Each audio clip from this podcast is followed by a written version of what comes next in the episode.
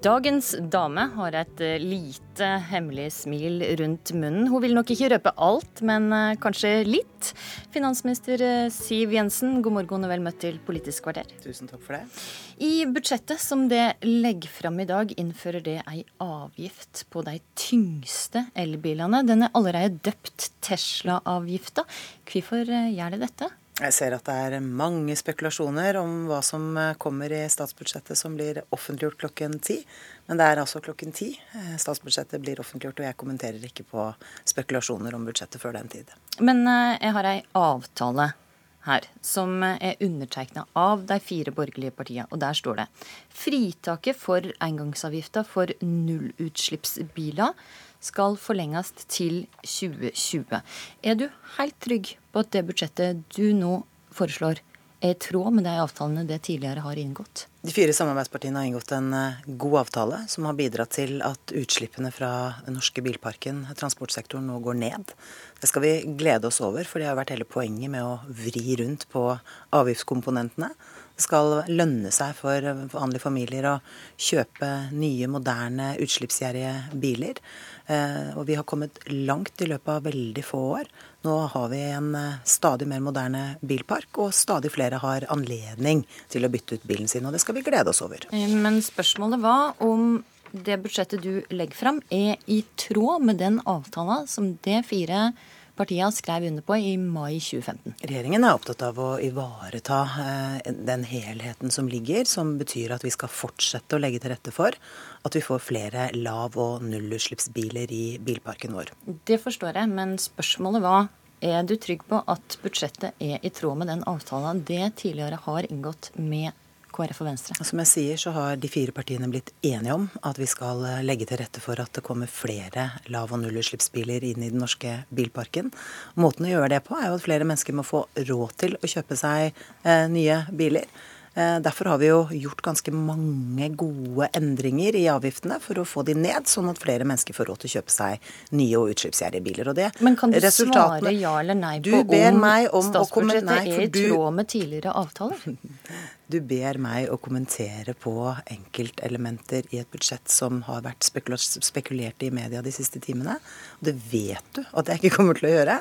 Fordi eh, budsjettet skal finansministeren legge frem for Stortinget klokka ti. Men du vil altså ikke svare ja eller nei på om budsjettet er i tråd med de tidligere avtalene? Det har inngått jo, med KrF og Venstre. Som jeg har sagt nå flere ganger, så mener jeg at vi følger opp den enigheten vi har mellom de fire partiene på en god måte, som gjør at vi skal skifte ut bilparken og satse på lav- og nullutslippsbiler. Mm.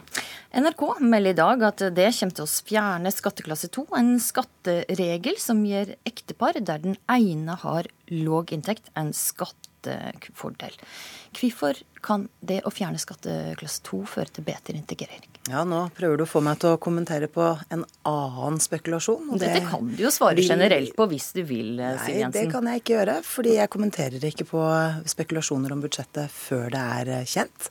Det regjeringen har sagt at vi skal gjøre, er å fortsette å gjennomføre skattereformen som et bredt flertall i Stortinget har sluttet seg til.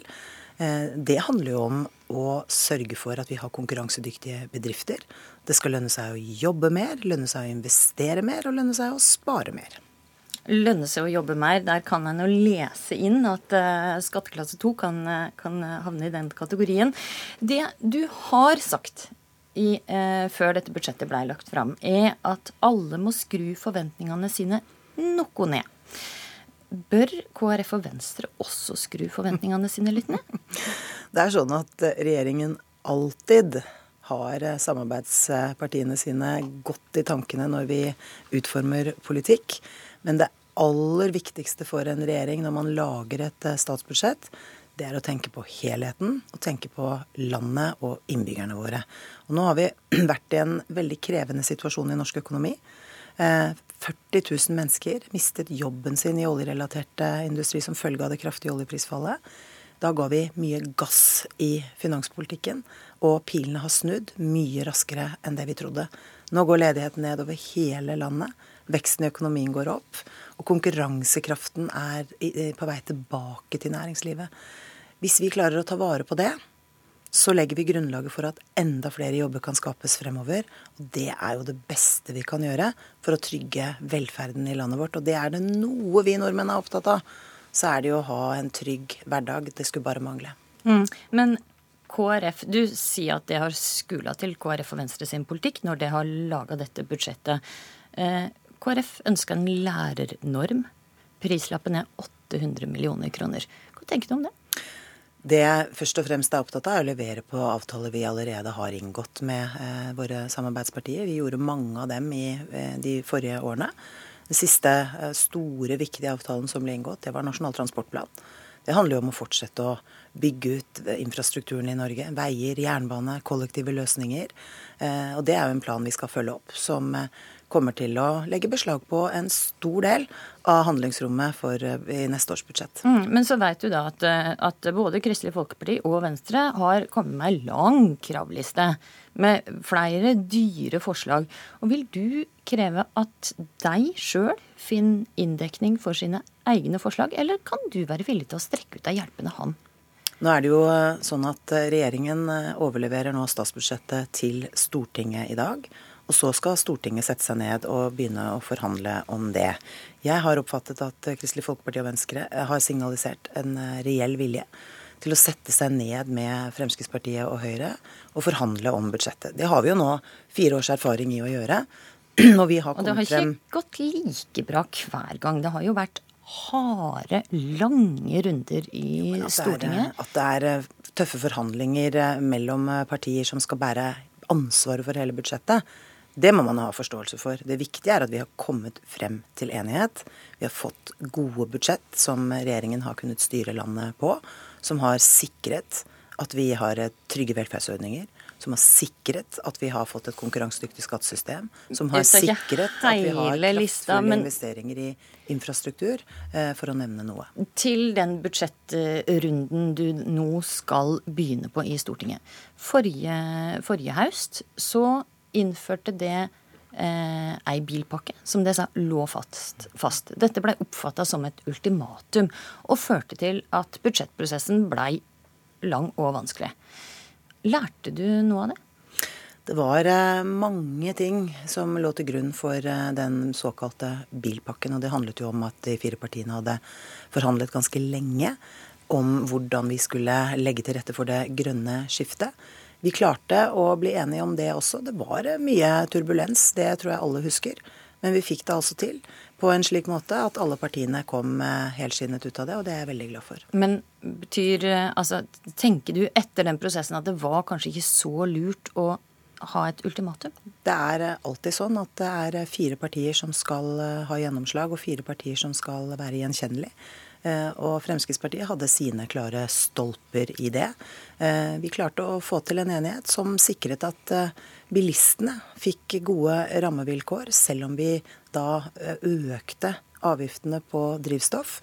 Vi reduserte de på årsavgift og veldig mange andre. Det var ikke innholdet jeg spurte så mye om, det var mer hvordan disse forhandlingene gjør. Om, om du har noen læringspunkt ut fra årsak til at disse forhandlingene blei så vanskelig i fjor høst? Vi lærer jo eh, hele tiden, eh, og vi lærer hverandre bedre å kjenne. Det er jo en av styrkene mellom de fire partiene. Det er at vi har blitt veldig godt kjent.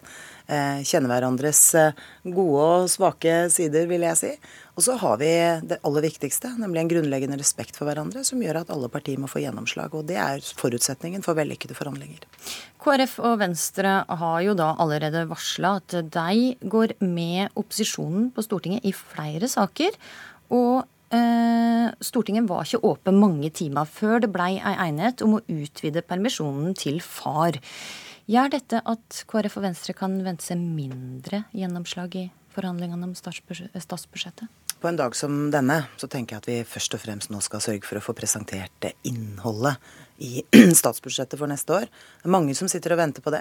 Som er opptatt av at vi skal eh, sikre at Forsvaret bygges videre ut. Sikre at vi tar vare på tryggheten, sikkerheten og beredskapen i Norge. At vi fortsetter å trygge velferdsordningene våre. Fortsetter å bygge ut infrastruktur. Jeg tenker at eh, Først så presenterer vi innholdet i budsjettet. Og så får vi masse tid utover høsten til å snakke om eh, forhandlingene om statsbudsjettet. Ja, Det kan du være visst på, men, men det jeg spør om er om, om, du ser på dette, disse forhandlingene som en slags gi og ta-situasjon. At du venter deg noe tilbake hvis du skal tilpasse budsjettet til KrF og Venstre, slik du sier du gjør. Som jeg alltid sier, når eh, flere partier skal forhandle eh, og være med på å bære ansvaret for helheten i et statsbudsjett, så må alle partiene som er med på det, få gjennomslag for ting de er opptatt av. Det har vi gjort i hvert eneste runde vi har satt oss ned og forhandlet, og hver gang har vi klart å finne frem til gode løsninger mellom de fire partiene. Mm. Siv Jensen, du eh, begynte altså dagen med en skokk av journalister utenfor eh, porten din litt før halv sju. Så var det Nyhetskanalen, så intervju med God morgen Norge, så med Radio Norge på vei opp hit. TV 2 står utafor døra her og, og filmer, og etter at du er ferdig her, så skal du neste post Stortinget klokka ti finanstalen med påfølgende intervju, så pressekonferanse om hovedtallene i budsjettet. Deretter så er du booka inn til Her og nå, Dagsnytt 18, TV 2-nyhetene, Dagsrevyen og Debatten her på NRK1 i kveld. Vi ønsker deg bare lykke til med denne dagen. Eh, og så har vi med oss eh, Kjell Ingolf Ropstad, finanspolitisk talsperson i KrF. og vi får begynne med skatteklasse 2. NRK melder altså i dag at eh, denne blir fjerna. Hvordan reagerer du på det? Det er jo en sak som ikke jeg blir veldig glad for. Eh, det er klart at Skatteskjerpelse for familie er jo ikke noe KrF har gått til valg på, eh, og heller ikke noe vi ønsker. Så det er jo en av de sakene som jeg reagerer på dersom den lekkasjen stemmer. Men steiler du? Eh, altså det, det, er klart at Vi må gjøre prioriteringer hele veien på hva, hva, vi mener er viktigst. og Vi har gått til valg på at vi skal ha mer fleksibilitet og valgfrihet for familiene. Dette er ikke det. Eh, men vi har jo sagt at vi f.eks. ønsker en bedre kombinasjon mellom kontantstøtte og barnehage, sånn at du enklere kan f.eks. ta tre dager i barnehagen hvis du ønsker det, og få to dager med kontantstøtte. Og vi har vært opptatt av pappapermisjon og andre saker, så gruppa må gjøre sine prioriteringer. Men dette er iallfall ikke noe vi i utgangspunktet støtter. Hvem vil bli råka hvis skatteklasse 2 blir fjerna? Dette er jo typisk de som, eh, som har én person som, som, jobber lite eller, eller, ingenting, eh, og mange av dem har lave inntekter. Så, så, jeg ser på det som en sosial uh, vridning som er krevende. Men så vet vi òg at det er stor andel av innvandrere som bruker det. Det er antyda opp mot 80% Og det er jo klart at det er jo en utfordring på integreringssida med å få det ut i arbeid. Så, så jeg ser noen ulemper med det, men, men, dette er jo en ordning som vi slåss for, og vi sikrer jo halve ordninga, sånn at en har mulighet til skattelettelser opp mot 6 6000 i dagens ordning. Mm. For dette har jo vært en kamp i Stortinget før?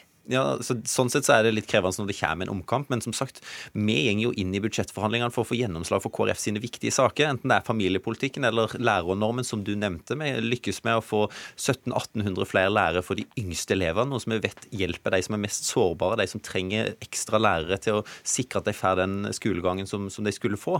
Eh, så vi kommer jo til å gå inn med de type krav. Og så har vi sagt at menneskeverd blir viktig for oss. Pleiepengeordninga har vært debattert. Den har vært utvida og hatt noen positive effekter, men også fått noen negative, sånn at det er usikkerhet for de familiene som har pleietrengende alvorlig syke barn.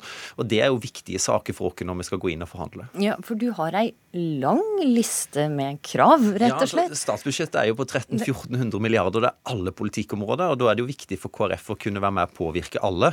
Ja, det er klart eh, Klimapolitikken, fattigdomsbekjempelsen både ute og hjemme blir ekstremt viktig for oss. Så det at vi har eh, mange innspill eh, til det budsjettet, det, det er helt klart. Så fikk du en liten sniktitt på kontoret til Siv Jensen i går kveld.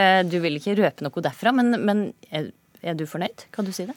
Eh, altså, Vi har jo bare fått eh, noen eh, biter av det som, som, kommer, så jeg er veldig spent på det som ligger der. og det er jo sånn at eh, Når vi skal høre finansministeren i eh, Stortinget i dag, så er jeg jo ganske sikker på at hun kommer ikke til å komme med de negative nyhetene. Hun kommer til å skryte av det som er positivt, enten det er som hun sier på, på forsvar, på justis, på vei osv. Så, videre. eh, så vi kommer jo til å lete med de negative sidene som, som jeg frykter kan ligge der. Og hvor ultimativt er kravet om å få gjennomslag for en lærernorm?